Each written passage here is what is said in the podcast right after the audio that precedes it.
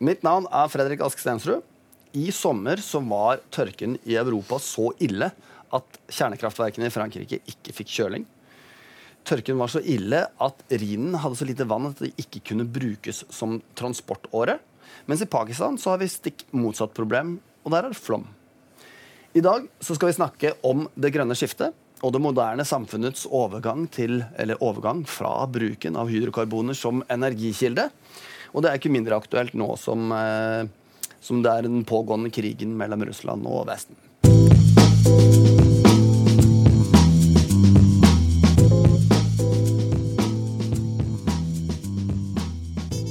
Som vanlig så har jeg med meg vår sjefstrateg. Eh, velkommen, Anders. Takk for det. Jeg bare hopper rett i det. Hva, hva er ditt forhold til det grønne skiftet, Anders? Det, det, er et godt spørsmål. Det er jo ingen tvil om at vi alle må bidra i dette skippertaket. Samtidig så er det jo en del naturlige variasjoner i, i klimaet som skaper litt trøbbel for meg. da, For jeg må jo på en måte verifisere er dette reelt. Jeg kan ikke høre på disse ekspertene. Uh, og, og da, da, skaper det litt trøbbel å liksom skille hva er menneskeskapt, og hva er de naturlige variasjonene. Og så er jeg jo ikke så glad i en del av denne skrekkpropagandaen som finnes rundt miljø- og, og klimaskifte. Uh, mye unyansert fokus, syns jeg. Også en del sånn uh, raske beslutninger som kanskje blir værende litt for lenge. Vi har mange andre ting. Grønnvasking, som vi kommer litt mer inn på senere.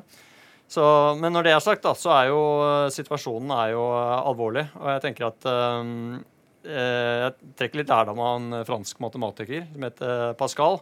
Han har en tilnærming som jeg syns var veldig pragmatisk. Da. Det liker jeg. Til Gud og spørsmålet om det finnes en Gud. For han sa det at uh, Dersom det finnes en gud, så vil det være lurt å tro på han. Og finnes det ikke noen gud, så spiller jo ikke det noen rolle uansett. Og akkurat her så er det jo sånn at uh, man kan diskutere i det lange og brede. Finnes det klimakrise, det, eller det finnes en klimakrise, er det menneskeskapt eller ikke? Men uh, det er uansett så alvorlig da, at uh, hvis, vi, hvis, eller vi kan, kan, gjøre noe, det er menneskeskapt, så må vi gjøre alt vi, vi har kunnet. Okay. Du overrasker som vanlig med med å kalle deg selv pragmatisk. Men, men, det er ikke bare du som er med oss i dag, for i dag så har vi faktisk fått med oss en gjest som brenner for dette temaet, og det er vår relativt nye landesjef i Danske Bank, Erlend Angelfoss. Velkommen, Erlend. Takk for det. Eh, gratulerer med ny jobb. Eh, er det her første gang du er med i en podkast? Eh, det tror jeg faktisk det. Eh, jeg har vært med på radiointervju. Eh, ja. Men podkast, med mindre det har vært i sånn tøysesammenheng, så er nok det her det første alvorlige. Ja. Riktig. ja, Du skal nok erfare at den ikke er fullt så alvorlig, men, eh, men radio er et veldig fint medium. Eh, men, men før, før, vi kaster oss ut i dagens tema, så tenkte jeg at det, det kan være greit å vite litt mer om deg òg. Eh, klarer du å gi meg typen 60 sekunders bio om deg selv? Ja, jeg skal prøve. Eh, som sikkert eh, dialekten avslører, så er jeg en uh, sunnmøring. Eh, oppvokst i Ålesund. Eh, mann på 54 år. Eh, gift. Har tre barn. To bor hjemme. Én er da på skole i, eh, i, utlandet og for så vidt går i fars fotspor og studerer økonomi. Um, jeg har eh, stor interesse for eh, friluft. Eh, jeg elsker å stå på ski. Eh, spesielt randonee-ski og alpint, kanskje, men også langrenn. Eh, og eh, som du var inne på, jeg syns at miljøvern og det å ta vare på, på kloden og egentlig folka rundt oss, det er viktige ting. Eh, og spesielt eh, slik som verden ser ut nå. Eh, både med klimaendring og med alt det som foregår rundt oss av ufred og sosiale problemer. Ja. Sånn helt utypisk nordmann, altså? Helt utypisk nordmann. ja. Kanskje ikke det, men, eh, men allikevel det er ting som jeg syns er viktige. da. Ja. ja men det, det, høres bra ut. Jeg, jeg, begynte jo med å spørre Anders om hva slags forhold han har til det grønne skiftet. Men saken er at det grønne skiftet er jo sånn, en sånn term som eh, brukes til stadighet i media. Og så tenker jeg at det er litt seint å spørre, selv om ikke du vet om du tror på klimakrisen, så er det litt seint å spørre hva er egentlig det grønne skiftet. Men da, jeg spør deg om det. Hva er det grønne skiftet? Altså, det grønne skiftet handler jo i bunn og grunn om å finne balansepunktet på hva som kan være en bærekraftig, langsiktig utvikling eh, for oss her på jorda. Med andre ord, vi kan ikke bruke mer av ressursene eh, på jorda enn de som er gjort tilgjengelige for oss. da. Og Det som er litt av eh, problemet nå, eh, det er jo at vi, eh, vi bokstavelig talt brenner opp veldig mye fossilt brennstoff. Som gjør at vi forurenser kloden markant. Og vi forbruker jo mer av ressursene på jorda enn vi strengt talt har tilgjengelig. da. Så du kan se på at dette er et litt lengre perspektiv. Det vi gjør nå, vi som bor på jorda i dag, og spesielt vi i den eh, høyt forbrukende del av verden, vi stjeler egentlig litt av ressursene som våre barn skulle nyte godt av en gang i fremtiden. Og barnas barn, osv. osv. Så, vi spiser av fremtidige generasjoners mulighet til å ha et godt liv her på jorda. Det um jeg, jeg, må bare avklare det. Altså, jeg er jo ikke kli, klimaskeptisk. Nå kommer disklemeren. Eh, min, min, skepsis er jo mer på liksom, at, eh, at det er, dette er en ekstremt kompleks og vanskelig ting. Og det, derfor så tror jeg heller ikke på det helt sånn aller letteste løsningene som ofte kastes ut her. Da. Men, men du har liksom forklart egentlig veldig godt da. Hva, er det, hva er problemet og det grønne skiftet. At vi skal over til noe, noe mer bærekraftig. Men hva er da Danske Banks rolle oppi, oppi dette? Ja, Det er jo det som gjør det egentlig spesielt eh, for vi som jobber i, i bank og finans, veldig interessant å være her. da. Eh, for det er rett og slett en ganske stor omstilling som skal på plass. da. Eh, og omstilling eh, det må typisk eh, finansieres. Så skal vi komme oss fra det punktet vi står i dag, til der vi har en mer bærekraftig energiproduksjon, så må det investeres mye. Og der er jo vi ganske gode, både med egenkapital og med fremmedkapital, altså lån eller obligasjonsfinansiering. Så vi står jo midt i, midt i sentrum her, sånn sett, når det gjelder hvem som kan bidra godt i det her. da. Vi er avhengig av andre kan liksom teknologien, og at andre har liksom driven til å kjøre dette gjennom. Men de trenger hjelp, og de trenger kapital. Og der står vi eh, veldig godt pos posisjonert. da. Så betyr det faktisk at det kan være en forretningsmulighet oppi alt dette her?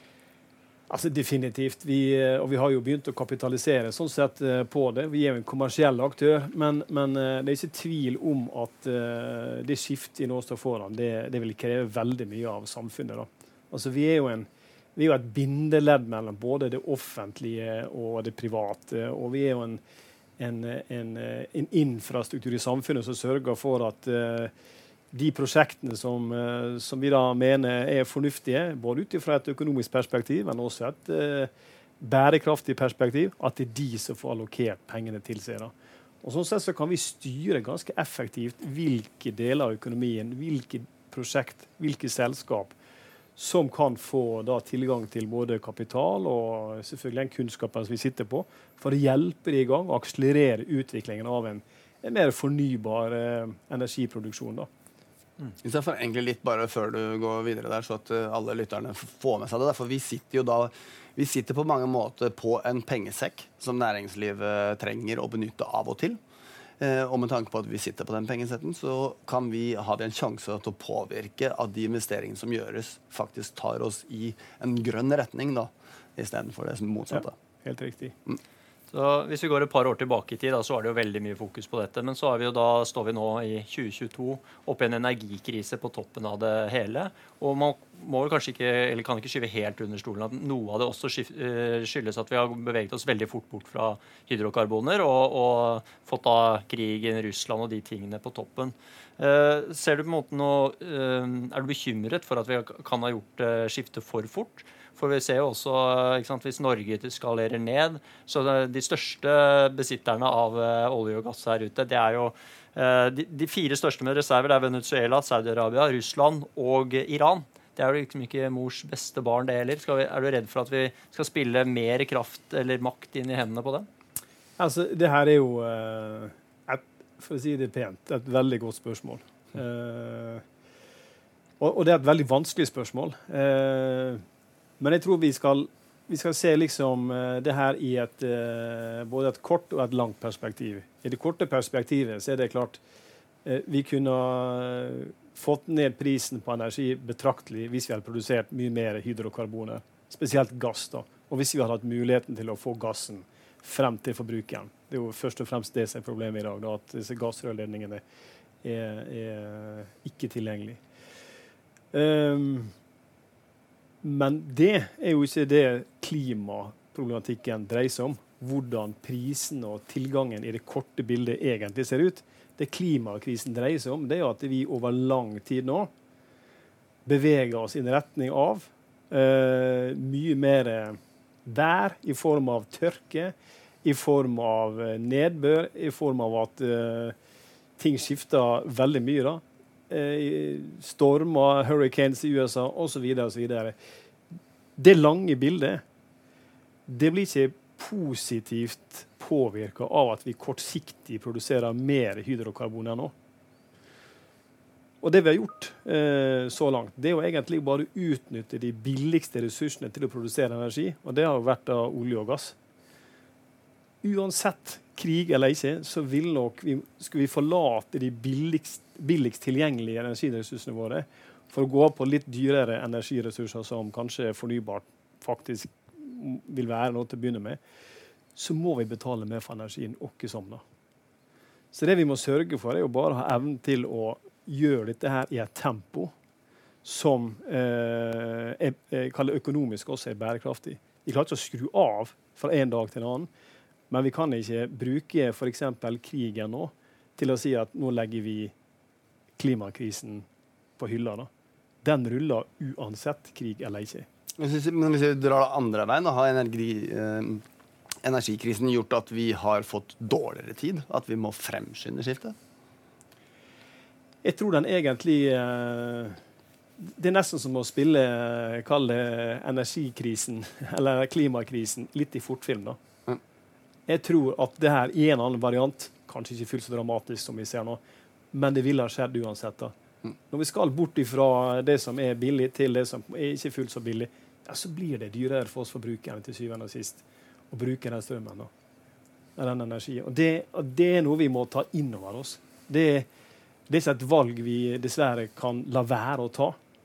For hvis vi fortsetter med å, å, å, å brenne fossilt brennstoff i det tempoet vi har gjort så langt, så vil klimakrisen akselerere.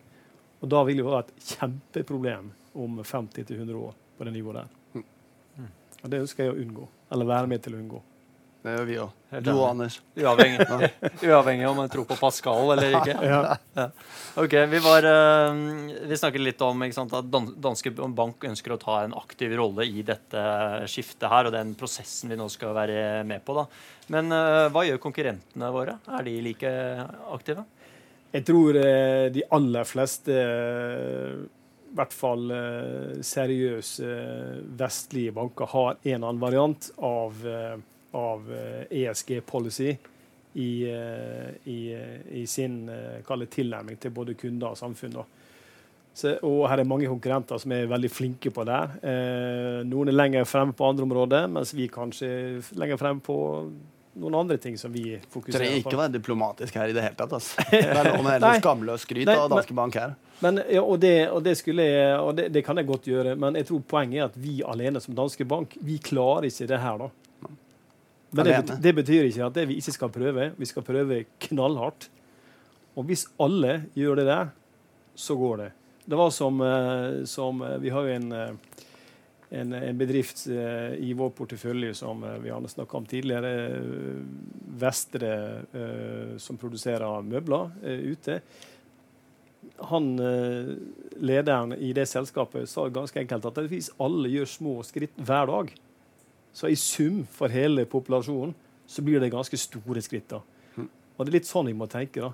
Vi kan ikke liksom si at fordi vi er små, fordi Norge er et lite land. Uh, fordi andre er så store, så skal ikke vi bry oss om det her. Det blir en helt sånn merkelig tilnærming for min del. I hvert fall. Men, Hver enkelt person må gjøre det man kan for å komme ett steg videre hver dag.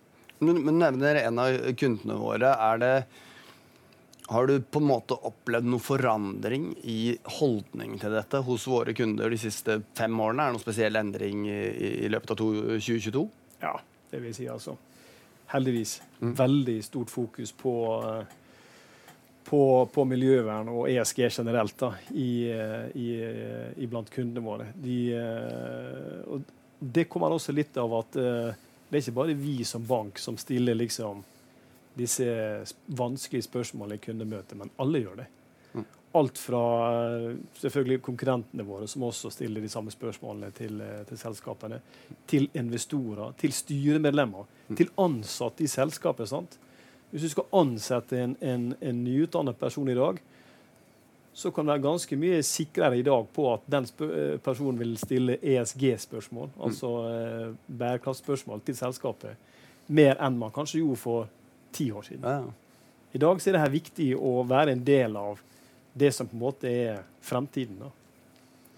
Så, så, Derfor så jobber jo veldig mange på administrativt nivå i ulike selskap beinhardt med å få på plass eh, eh, hvordan det selskapet kan bidra i størst mulig grad for å, for å hjelpe til med det, med det, grønne skiftet. Og sånn sett være ja, eh, levedyktig eh, eller være relevant for samfunnet i, eh, i fremtiden. da.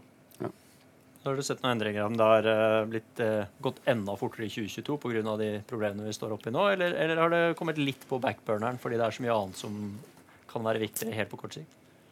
Det er både ja og nei. Altså, jeg tror spesielt i eh, Hvis du tar det klimaperspektivet først, da, så er det klart noen vil jo bruke det her som et argument for at nå må vi bremse litt. Det her går for fort, litt som vi var inne på i sted. vi klarer ikke å omstille oss raskt nok. Mens andre vil si at uh, det her er jo egentlig det rett ut, et spark i rumpa. Nå får vi liksom ikke noe valg. Nå må vi omstille oss fra fossilt til noe annet. Uh, fordi vi ja, vi har ikke råd til å bruke gass for eksempel, lenger. Vi må bruke noe annet. En ekstrem investering i uh, batteri, solceller, fornybar type kapasitet. både på nasjonalt nivå, men også innenfor de ulike bedriftene. Da. Um, og så er det klart En annen ting som ikke nærmest har med klima å gjøre, men som går på mer uh, governance-biten. Uh, en krig i vårt nærområde det har selvfølgelig veldig mye å si for hvordan man innretter forretningen sin med tanke på styring og kontroll, og uh, hvor man sourcer både kapital og varer fra. Da. Så sanksjonsbestemmelser f.eks. har jo gjort at man har hatt et mye mer fokus på det ESG-bildet eh, enn man har hatt tidligere. Mm. Vi har vært innom at, uh, at, det er en forretningsmulighet og, og, og, kanskje en dyd av nødvendighet at vi gjør dette. og det, det, er jo alle som du sier, alle de vestlige bankene er i denne prosessen om å gjøre disse tingene. Og da dukker det opp, uh, alltid opp noen som, uh, som, prøver å gjøre ting de kanskje ikke burde gjort, eller å utnytte situasjonen. Har det liksom, Greenwashing eller grønnvasking det er et begrep. Kunne du forklare det for oss? Og også litt om hva, hvordan danske bank jobber for å unngå den type ting? Ja, altså Greenwashing er jo sånn sett at man ønsker å fremstå mer eh, klimavennlig enn det man strengt talt er. Eh, det er litt det samme som whitewashing, for den saks skyld. Mm. Um, og det er klart, i en, i en, tidlig fase så er det kanskje fristende og til dels enkelt for noen selskap å fremstå som litt mer grønn enn man strengt talt er, da, med å ha eh, vidløftige policies, eh, ønsker, mål, eh, hvor man skal være, hvordan man ønsker å se på verden, og at man tar litt sånn symbolgrep da, omkring eh, klimautslippet sitt. Eh, men vi er nok i ferd med å, å si, avsløre disse da, i størst mulig grad. Mm. Eh, og ta noe så konkret som taksonomien i, i EU, f.eks. Den er jo ganske klar på hva som på en måte er eh, innafor eller utenfor eh, taksonomien. Altså hva som blir ansett til å være en grønn industri, og hva som blir ansett til å være en ikke-grønn industri. Så jo mer vi får jobba med disse tingene her, og satt klare definisjoner på hva som er grønt og hva som er ikke grønt, jo mer presis kan vi være da, og fortelle at eh, den bedriften er grønn, den er ikke grønn. Og i vår låneportefølje for eksempel, så vil det etter hvert nå bli slik at vi vil markere de ulike lånene i henhold til den EU-taksonomien. Og så blir det da den såkalte eh, forholdet mellom ikke-grønt og grønt, green asset ratio-kalkulasjoner, viser om vi som bank dytter det her, altså samfunnet og bedriftene våre, i riktig retning, altså i klimavennlig retning. da. Så jo, jo, jo, bedre score vi får på den, jo bedre blir vi ansett til å være en som er pådriver for det grønne skiftet. da. Og tilsvarende mekanismer vil komme for ulike industrier. da. Så selv om det, vi, vi har et stort innslag av uh, greenwashing i dag, så tror jeg det her blir det blir eh, enklere litt lenger frem i tid, når vi får litt mer klare definisjoner og kjøreregler på hva som er innenfor og utenfor, med tanke på det å være klimavennlig. Mm. Finnes, det, finnes det grønne oljeselskaper, da? Eh, et Pure Play oljeselskap er vel neppe grønt i dag. Men det veldig mye av disse selskapene gjør, eh, det er jo at de, eh, de arbeider med, og kanskje til dels har erkjent, at skal de være relevant om noen tiår, så må de, ha, et, må de ha noe annet og en annen type energi å kunne levere til, til samfunnet. da. Og så er det jo sånn at uh, de som driver med olje og gass i dag, uh, ta Norge f.eks. Uh, de som opererer ute i Nordsjøen, de har utrolig god kjennskap til, til hvordan det å være offshore f.eks. fungerer. Da. Så det å sette opp offshore vind f.eks., da er man avhengig av noen som kan å drive offshore. I tillegg så har du da, og Det går jo alt fra liksom drift til å bygge en plattform der vindmøllene skal stå til å, å, ha liksom det tekniske på plass rundt det der, men også å ha kapital til å drive den omstillingen. Da. Og Der er oljeselskapene veldig godt posisjonert. Da. Så Equinor for eksempel, de har jo gjort en, en, ganske, en veldig stor investering innenfor eh, det fornybare, eh, og fokuserer på det å være energiselskap i større grad fremover. Og det, og det er jo sånne spillere vi egentlig er avhengig av. At de tar et ansvar for eh, transformasjonen. Det å skru av et selskap i dag i håp om at det skal dukke opp et annet selskap som er helt grønt dagen etter, det tror jeg er en illusjon. Det får ikke vi til da. Vi må akseptere at folk må, og selskap må omstilles over tid. Og det er den omstillingen vi som bank kan være med å dytte mest mulig. Vi stiller krav og stiller liksom kapital til rådighet eh, for å støtte den omstillingen. Bra, nå er vi litt inne på, på det med, som går på investeringer. Da, og uh, I danske banker så må vi prate litt om uh, investeringer. 26.9. i år så sto det i DN at det var en konkurrent av oss som hadde et uh, norsk indeksfond som hadde falt 20% 17% mer enn markedet. Og Det var jo fordi de da hadde ekskludert alt av olje og gass, og, og det har jo klart seg bra pga. de holde, høye olje- og gassprisene i år. da. Hvordan tenker du, eh, Vil det lønne seg å investere i grønne, i grønne selskaper fremover? Eller vil ikke det nødvendigvis gi noe mer avkastning, men det er eh, noe man allikevel bør gjøre for å, for å være med på å drive det skiftet? Da? Ja, Det er et veldig godt spørsmål, eh, Anders. Men for å ta det konkrete omkring avkastning på, på det, det, fondet da, og, og Oslo Børs, så er det klart med de olje- og gassprisene vi har sett nå de siste seks, ni, tolv månedene, så er det åpenbart at uh, med da Oslo Børs, som er veldig oljetung børs, så vil, vil, den gå i positiv retning, da, i større, relativt til andre selskap. Uh, markedet generelt har jo falt uh, ganske godt de siste seks til, ni ni måneder, ser på tech-aksjer f.eks. Så jeg tror, ikke, jeg tror, ikke, vi skal se på det her korte bildet som en, en, en slags eh, rettesnor for hvordan det vil se ut eh, fremover. Da. Det, det, som jeg tror eh, man skal fokusere på, det er jo hvilke selskap som er godt drevet, og hvem som kommer til å være her i morgen og i overmorgen og dagen deretter. Da. Og så får man gjøre sine vurderinger ut ifra det. Mm. Personlig så tror jeg jo at de, de grønne selskapene har en, en stor fremtid foran seg. Da. Vi står ved en tidlig det er en tidlig fase. Det er klart det er mye eksperimentering rundt omkring. Det er ikke alle teknologiene som kommer til å slå like godt an.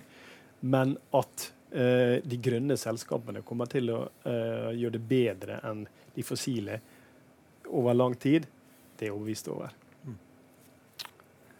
Ja, jeg, jeg, føler at den poden her, det blir liksom det grønne skiftet del én snillutgaven, kaller jeg det. For det dukker inn i hodet mitt hvert fall, så dukker det opp mange måter å være litt eh, djevelens advokat i det her. Særlig kanskje på hvem som er pionerende på den skiftebevegelsen. og ikke nødvendig. Altså, hvis du er kynisk der, så fins det noen kroner å tjene på både det ene og det andre, men det syns jeg vi skal ta i, eh, i en grønne skiftet del to, og ikke i den her. Nå har det vært så god stemning. Du har uh, akkurat starta den jobben, så vi skal være litt greie mot deg og ikke pese deg for mye nå. Men jeg vil pese deg litt, for jeg vil gjerne at du bare skal, hvis du klarer, da, om du kan prøve å oppsummere litt for meg hva, hva vi har snakket om i dag. Ja, det, det, skal jeg forsøke på. Altså Det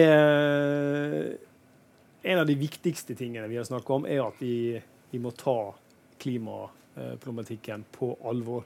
Eh, hvis vi, eh, hvis vi, ikke gjør det, eh, og vi må gjerne bruke Anders sin tilnærming til, til det at uansett så kan det kanskje være smart å ha en tilnærming til det som er positiv, i den forstand at man, man støtter klimatiltak. Men jeg, jeg, jeg, tror nok mer på at vi, det her er menneskeskapt. Vi, vi, kan ikke bruke så mye av jordens ressurser i dag som vi, vi, faktisk gjør. Vi må komme til et annet sted. Så det å ta det her på alvor det har vært et viktig tema. Vi har diskutert hvordan Danske Bank sin strategi fungerer innenfor det feltet her. Og vi har eh, vært innom temaet rundt eh, hvordan energipriser kanskje kan eh, bremse eller til dels akselerere det grønne skiftet. Så får vi se da hva fasiten blir der. Um, og så har vi vært inne på det her med greenwashing, at det er noe som antageligvis uh, ja, Mange gjør det i dag, men over tid, når vi får bedre definisjoner og bedre kontroll med, med begrepsapparatet vårt rundt her, så vil det antageligvis det bli et mindre problem fremover. Um, og ikke minst så har vi vært inne på det her at det er viktig at vi kanaliserer penger, kapital, inn i det for å få til det grønne skiftet. Og der er det jo en bank som Danske Bank kommer inn i bildet for å kunne dytte i den retningen. Det må sies å være en veldig god oppsummering. Eh, jeg tror vi skal runde av. Tusen takk, Erlend, for at eh, du ble med oss i dag. Eh, jeg vil bare minne om for lyttere at dere må huske på å abonnere på podkasten vår der hvor dere lytter til podkasten. Og at dere kan følge mer av skribleriene til Anders på Twitter under handlet at makrojohansen.